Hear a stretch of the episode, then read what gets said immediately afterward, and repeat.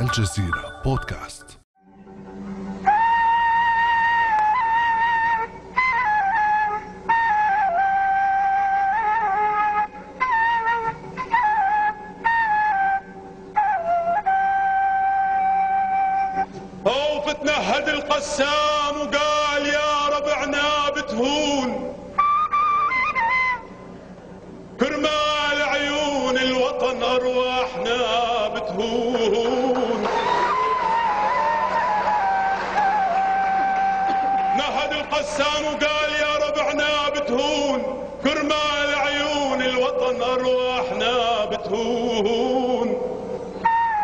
وحبة رمل من أرضنا يا شعب ما بتهون. عرفنا السبب يا دار وعرفنا الجواب يا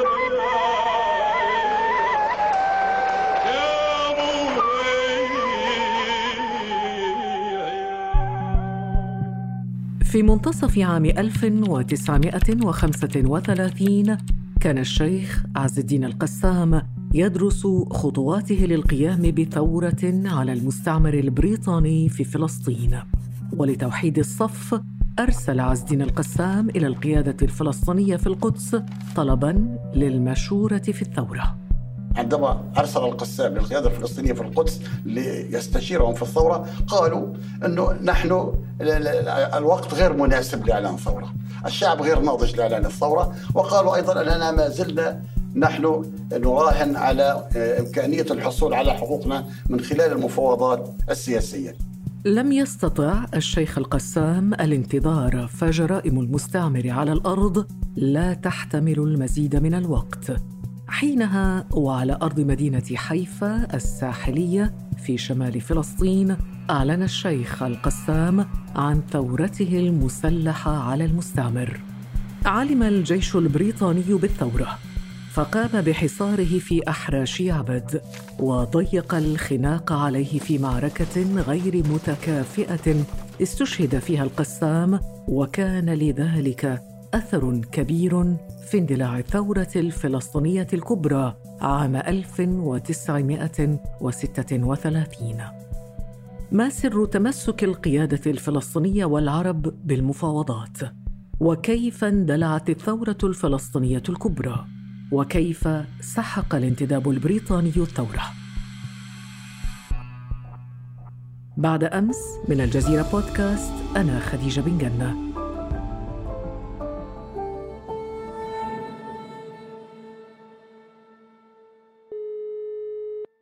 أرحب بضيفنا من أم الفحم في هذه الحلقة البروفيسور والمؤرخ الفلسطيني مصطفى كبهة أهلا وسهلا بك بروفيسور مصطفى كبهة أهلا بك. بروفيسور مصطفى كبهة لنعود إلى تلك الفترة. كيف بدأ تحرك الشيخ عز الدين القسام ولماذا تخلت عنه القيادة الفلسطينية؟ اولا تحرك الشيخ عز الدين القسام بدأ قبل ذلك بكثير. نحن في حركة الشيخ عز الدين القسام نتحدث عن مرحلتين المرحلة الخفية والمرحلة العلنية. المرحلة العلنية لم تكن أكثر من 17 يوما. بدأت بثاني من تشرين الثاني ذكرى تصريح بلفور. خروجه من حيفا وانتهت باستشهاده في منطقة تعرف بخربة الشيخ زيد إلى الغرب من بلدة يعبد. وأنا الآن أجلس وأتحدث إليكم قريبا جدا من هذا الموقع على بعد 6 كيلومتر من هذا الموقع.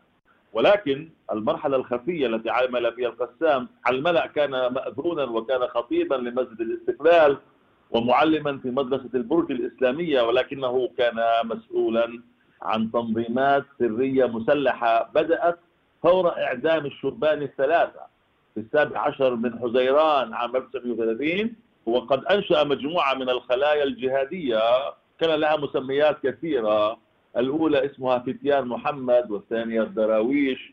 بعد ذلك مجموعات الكف الأسود والكف الأحمر ومجموعات من هذا القبيل بدأت بصفد أول مجموعة وانتشرت إلى صفوريا وإلى مناطق في حول حيفا ولكن البؤرة كانت في حيفا وقد نجح القسام بتجنيد 200 مقاتل مسلح خاصة من أبناء الفلاحين الذين وفدوا إلى حيفا وعملوا في مصافي البترول التي أقامتها بريطانيا. في ذلك الوقت تحديدا في النصف الأول من الثلاثينات وكانوا من أوائل طلابه وتلاميذه الذين جاءوا كانوا يأتون للصلاة في المسجد الذي كان يئم فيه ويسمعون دروس دينية وبعد ذلك تطور إلى آه، دروس في القتال وتدريبات في الكرمل في أحراش الكرمل.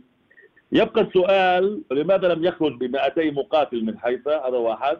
السؤال الثاني ما مدى علم القيادة الفلسطينية بهذا الموضوع؟ وأعتقد أن هذا يعني فيه الآراء الكثيرة. وسؤال ثالث لماذا تخلت عنه أيضا القيادة الفلسطينية؟ أنا أعتقد أن القول تخلت فيه ظلم للقيادة وللحجمين على وجه الخصوص من مقابلات أجريتها مع أناس كانوا من تلامذة القسام وواحد منهم كان من الأشخاص الذين خرجوا معه اسمه عربي بدوي من قبلان أكد على أن العلاقة مع الحجمين كانت دائمة ومستمرة بمعنى أن الحجمين كان يسير بمسارين. المسار محاولة ممالأة الإنجليز بشكل أو بآخر ولكن أيضا كان مؤيدا للحركة المسلحة. وطبعا رأينا أنه عام 37 الحجمين اضطر للذهاب إلى المسار الكفاح المسلح وكان هناك مقتل أندروز ومن ثم لجوئه إلى بيروت ثم بغداد وكل المسار الذي ساره. ولكن أنا أعرف أن رجال كانوا مرتبطين مع الحجمين استقلاليون بالأساس محمد عز الدروزة أكرم زعيتر ولجنة الجهاد كانت على علاقة وطيده أيضا بالقسام وخاصة رشيد الحج إبراهيم الزعيم الوطني لحيفا الاستقلالي الذي كان على علاقة طيبة بالقيادات وكذلك مع عز الدين القسام. لكن دكتور بعد مقتل الشيخ عز الدين القسام بأشهر تقريبا اندلعت الثورة الفلسطينية عام 1936 كيف تبلورت برأيك الثورة وماذا كانت مطالبها في تلك المرحلة؟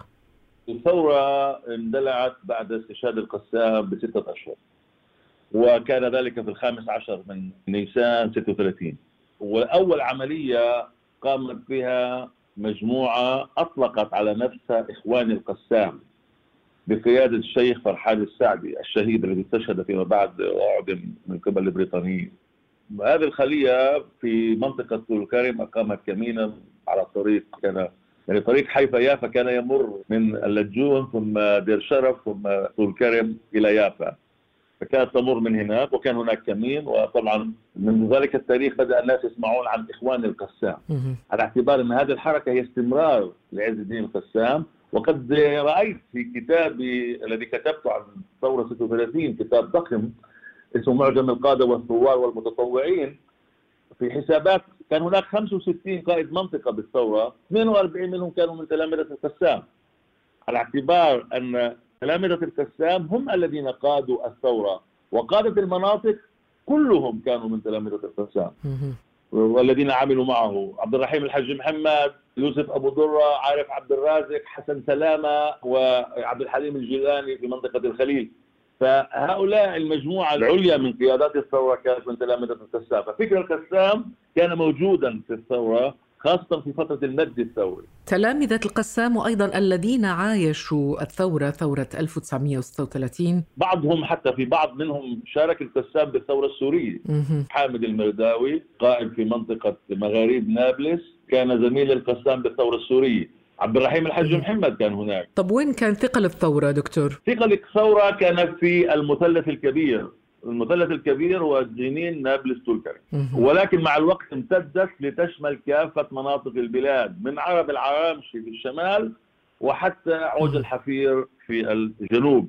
وكانت قسمت إلى مناطق والمناطق قسمت إلى مناطق أصغر فكان هناك قادة مناطق وكان قادة فصائل.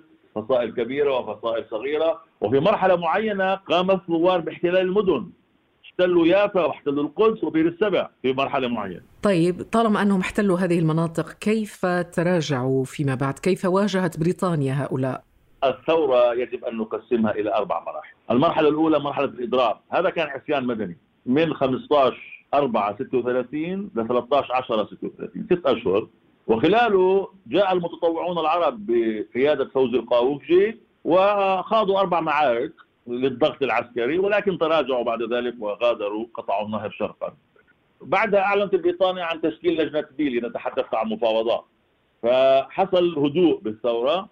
لجنة بيل استمرت في عملها من تشرين الأول 36 حتى نهاية حزيران 37 في 2 7 37 أعلنت عن توصياتها بتقسيم فلسطين.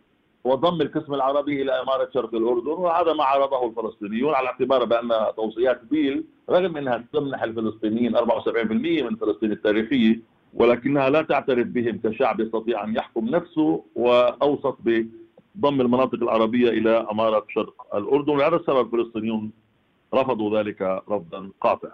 ولكن المرحلة الثانية تبدأ من تموز 37 وحتى تشرين أول 38 هذه المرحلة هي المرحلة المشرقة من تاريخ الثورة أو ما يسميها المد الثوري. تم تشكيل محاكم للثورة قيادات قيادة عليا برئاسة عبد الرحيم الحاج محمد وأنظمة كانت تريد أن تستبدل الانتداب البريطاني. يعني على سبيل المثال نظام المحاكم الذي أقامته الثورة توجه إليه 75% من المواطنين. 75% من المواطنين. إذا قلنا مرحلة الإضراب مرحلة المد التي تنتهي بشهر تشرين الثاني 38 بعد مرحلة التراجع والحرب الأهلية احتراب داخلي وهذا مكن بريطانيا من القضاء على الثورة من خلال إقامة فصائل مناصرة لبريطانيا سمتها فصائل السلام. يعني الفصائل الفلسطينية انقسمت على نفسها. نعم نعم وهذا كان النقطة التي ساعدت بريطانيا بقمع الثورة. دخلت بريطانيا من هذه الشقوق أو الانشقاقات لتقمع الثورة. دعنا دكتور نستمع إلى بعض شهادات من عايشوا الثورة ثورة 1936 لنستمع معا. إذا وصلوا لقوا رصاصة فاضي باب بيتنا ينسوا البيت. كانت بريطانيا تمنع أي واحد يحمل سلاح حتى لو فشك يحكموا عليها. ممنوع. يعني في البلد في أربع برامج فيش يجوا عندنا تفتيش يفتشوا يحطوا يكبوا الطحين على القمح القمح على الذرة عدس خربطوا الدار ويطلعوا. يطلعونا إحنا عند المدرسة. يصيروا يصيروا يحكوا كلام عاطل الانجليز آه. تيفتشوا البلد ويروحوا ونرجع الدار. بهدلونا الله يبهدلهم. دوا على الإنجليز كيف كانوا يجوا؟ يأخذوا النسوان ويحطوهم. تاخذني أمي على الجامع ياخذوهم يحطوهم في الجامع ويفوتوا يفتشوا البيوت. على الرجال يدوروا على الرجال. ويقولوا غيمت غيمت. بس يجي الإنجليز بالدبابات وبالكذب. والطيارات يهربوا الرجال لأنه بدهم يدوروا على على رجال الثوره أحكي لك الحكاية. اجى العيد. لبسنا أواعينا وطلعنا من نروح على الجامع نصلي. ما حسينا الطيارات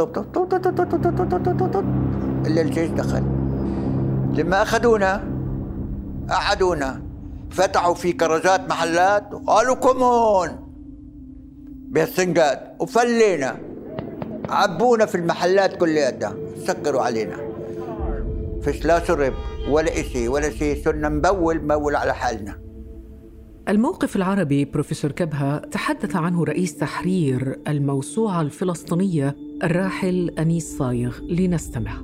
وإعطاء بريطانيا فرصة حتى تثبت حسن نواياها حسن نوايا بين قوسين.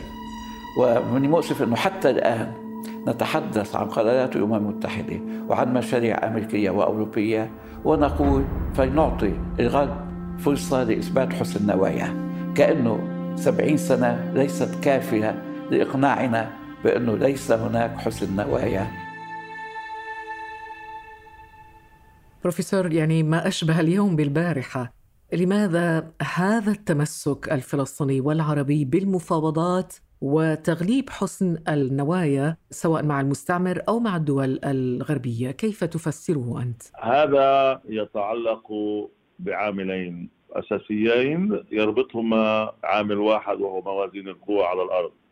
العامل الأول هو العلاقات الدولية العليا والعامل الثاني هو العلاقات الإقليمية وعلاقة الفلسطينيين الداخلية.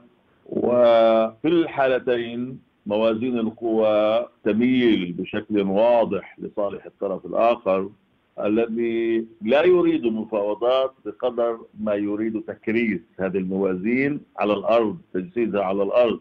يعني أحد التقارير الأخيرة لمجلس الأمن القومي تتحدث على أن السلام هو خطر استراتيجي على إسرائيل. تخيلي. على اعتبار إنه يمكن أن يجبر الطرف الإسرائيلي على إبداء المرونة النوعية النسبية وإبداء بعض التنازلات. فالحديث الآن داخل التيار المركزي الإسرائيلي هو لعبة مبلغ الصفر. يعني حتى يعني رئيس الحكومة قبل يومين نفى أي رغبة له بأن يعترف بأي دولة فلسطينية ايا كان شكلها وحجمها بين النهر والبحر. المؤسف بأن الموازين الدولية والموازين الإقليمية والموازين الإقليمية الآن هي تلعب دور سيء للغاية، الموازين الإقليمية اتحدث عن أنظمة عربية كثيرة. حتى تردد مقولات اليسار الإسرائيلي لا يرددها. مثلا؟ إنه لا يوجد شعب فلسطيني والفلسطينيون باعوا أرضهم وأنه هذه تاريخيا لا حقوق لهم ولا أصل أصلا ولم يكن هناك دولة فلسطينية مرة. كل هذه المقولات نسمعها للأسف من أخوة عرب. وما زلنا نستمع إليها الآن يعني ما يمكن أن يسمى بحسن النوايا. المصيبة أنه يعني ترجمته بريطانيا عام 37 إلى توصية لتقسيم فلسطين. ما الذي جاء في تلك التوصية بروفيسور؟ التوصية كانت لجنة بيل الملكية أوصت بتقسيم فلسطين إلى مناطق عربية ومناطق يهودية.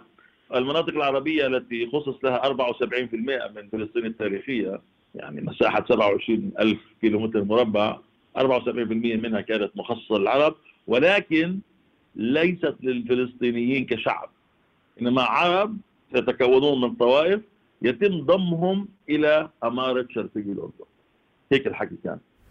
فكثير ناس بفوتوا بحالة دفاع إنه الفلسطينيين رفضوا كل شيء حتى إنه أبا ايبان قال مرة قول مشهور وبعض الفلسطينيين والعرب يرددونه حتى الآن قال بأن الفلسطينيين لم يضيعوا فرصة لتضييع الفرص. وكأنه هذه الاقتراحات هي كانت فرص لهم فضيعوها جميعا. وطبعا هذه المقولات حول حسن النوايا والواقعية السياسية ومقولات من هذا القبيل جاءت لتبرر هذه التوجهات التي تتغاضى عن حق الفلسطينيين كشعب يعيش تحت السماء وهو كباقي الشعوب من حقه أن يجسد الأماني الوطنية والقومية كما يراها مناسبة. وفي هذه الفترة بروفيسور سخرت قوات الانتداب البريطاني قدراتها العسكرية لملاحقة قواد الثورة. نتحدث عن القائد العام للثورة عبد الرحيم الحاج محمد وعن تلك الفترة يتحدث نجله الراحل جودة لاحق الإنجليز الوالد ووضعوا جوائز لمن يلقي القبض عليه أو يأتي به. والحمد لله تمكن من التخفي والهرب. وبدأوا يشكلوا فصائل فلسطينية للجهاد. واستمرت هذه الفصائل تعتمد على نفسها وتعتمد على القرى.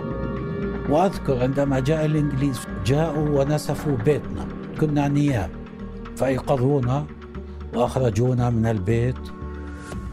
ونسفوا البيت على ما فيه. الوالد بعث رسالة إلى الحج أمين في تاريخ 18 3 1939 في نهاية مارس عام 1939 وفي كمين نصبه له البريطانيون في قرية سانور استشهد عبد الرحيم الحاج محمد وفقدت الثورة قائدها العام بروفيسور مصطفى كبهة كيف سعت القوات البريطانية إلى تصفية قيادات الثورة؟ يعني قيادات الثورة كانوا مستهدفين من خلال إعلان جوائز مالية عالية لكل من يدلي بمعلومات عن وجودهم أماكن تواجدهم ونصبت الكمان على هذا الأساس وطبعا الاغتيالات بدأت باغتيال الشهيد محمد الصالح الحمد أبو خالد والد الشاعر الفلسطيني خالد أبو خالد المشهور في سردة عندما قصف موكبه الطائرات. وبعد ذلك طبعا جرى ملاحقة القادة ونجحوا بتصفية عدد لا بأس به من خلالهم وذلك من خلال هذه الحركة اللي أقاموها واللي سموها فصائل السلام. وطبعا إذا نظرنا إلى المجهود الحربي الذي بذلته بريطانيا في فلسطين في هذه الفترة استخدام أربعين ألف جندي وعلى رأسهم قادة بريطانيون مع أوسمة مثل بيل ومثل منتوغومري. آخر شخص يعني قاد قمع الثورة هو منتوغومري الشخص المشهور من معارك الحرب العالمية الثانية. استطعنا أن نعرف الوسائل التي تعاملت بها والقسوة التي عاملت بها أهل القرى يعني حرق المحاصيل جعل الرجال يمشون على ألواح الصبر أو يمشون على جمر النار. وفي مقابلات شفوية مئات المقابلات الشفوية التي أجريتها أراني الأشخاص أشواك الصبر ما زالت في أرجلهم أو آثار جمر النار. يعني بريطانيا تعلم كل شعوب العالم ما معنى وحشية في هذا المجال. وطبعا كمين صانور كان استهداف للقائد عبد الرحيم الحاج محمد الذي عاد من رحله استشفاء في دمشق. وبعد ذلك طبعا لوحق الباقون منهم من استطاع الافلات عارف عبد الرازق خرج من فلسطين يوسف البدره خرج واعتقل على الحدود وجيء بها القدس وتم إعدامه. وطبعا بعضهم استهدف وجرح مثل عبد القادر الحسيني. وطبعا عيسى البطاط تم تصفيته. فالمجموعة القائمة طويلة جدا. بروفيسور لنستمع إلى ما قاله المؤرخ الإسرائيلي أفي شلايم عن الأثر الذي لحق بالفلسطينيين جراء هذه الممارسات البريطانية. لم يخسر الفلسطينيون معركة فلسطين عام 48 بل أواخر الثلاثينيات لأن بريطانيا أجهزت تماما على الثورة الفلسطينية والقوى العربية غير النظامية بروفيسور كبهة كيف انتهى الحال بالثورة التي امتدت من 1936 إلى عام 1939 ما أثر ذلك على ما سيحدث في عام 48 كان لذلك الأثر الكبير ولهذا السبب إذا فحصنا استراتيجيات الطرف الآخر. في هذه الفترة بن غوريون تبنى استراتيجية اسمها ضبط النفس. يعني اعطوا بريطانيا تجهز على الفلسطينيين ونحن لا نتدخل. فلهذا السبب القوة العسكرية اليهودية لم تستنزف في أثناء الثورة إلا ما ندر قليل. والقوة الفلسطينية الاقتصادية والمبنى الاجتماعي المبنى الاجتماعي تهتك. المرحلة الأخيرة من الثورة التي كانت حرب اقتتال داخلي تركت جروح لم تشفى بعضها حتى الآن في جسم الشعب الفلسطيني حتى الآن هناك عائلات لا تتصاهر بسبب ذلك. الفلسطينيون جندوا بثورة 36 في كافة مراحلها قرابة 14 ألف مقاتل. للمجهود الحربي البريطاني بعد كل ما عملته بريطانيا بالفلسطينيين جهزوا 9000 مقاتل حاربوا مع الحلفاء. ليس هناك أي مؤرخ غربي يذكر ذلك. وشاركوا في تحرير فرنسا الحرب العالمية الثانية.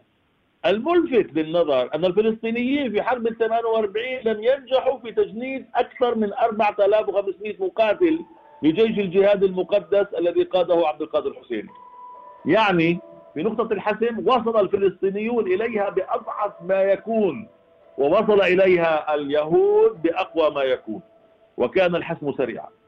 وكان الانهيار للمبنى الاجتماعي الفلسطيني سريعا للأسف الشديد. لهذا السبب أكبر مؤثرات ما جرى عام 48 هي قمع الثورة وتحطيم البنية الاقتصادية الفلسطينية والبنية الاجتماعية الفلسطينية من قبل بريطانيا. شكرا جزيلا لك البروفيسور والمؤرخ الفلسطيني مصطفى كبهة. شكرا على كل هذه المعلومات. شكرا لكم. نلتقي بكم مستمعينا في الحلقة القادمة من سلسلة النكبة وفيها سنتحدث عن التطهير العرقي الذي مورس بحق الفلسطينيين. كان هذا بعد أمس.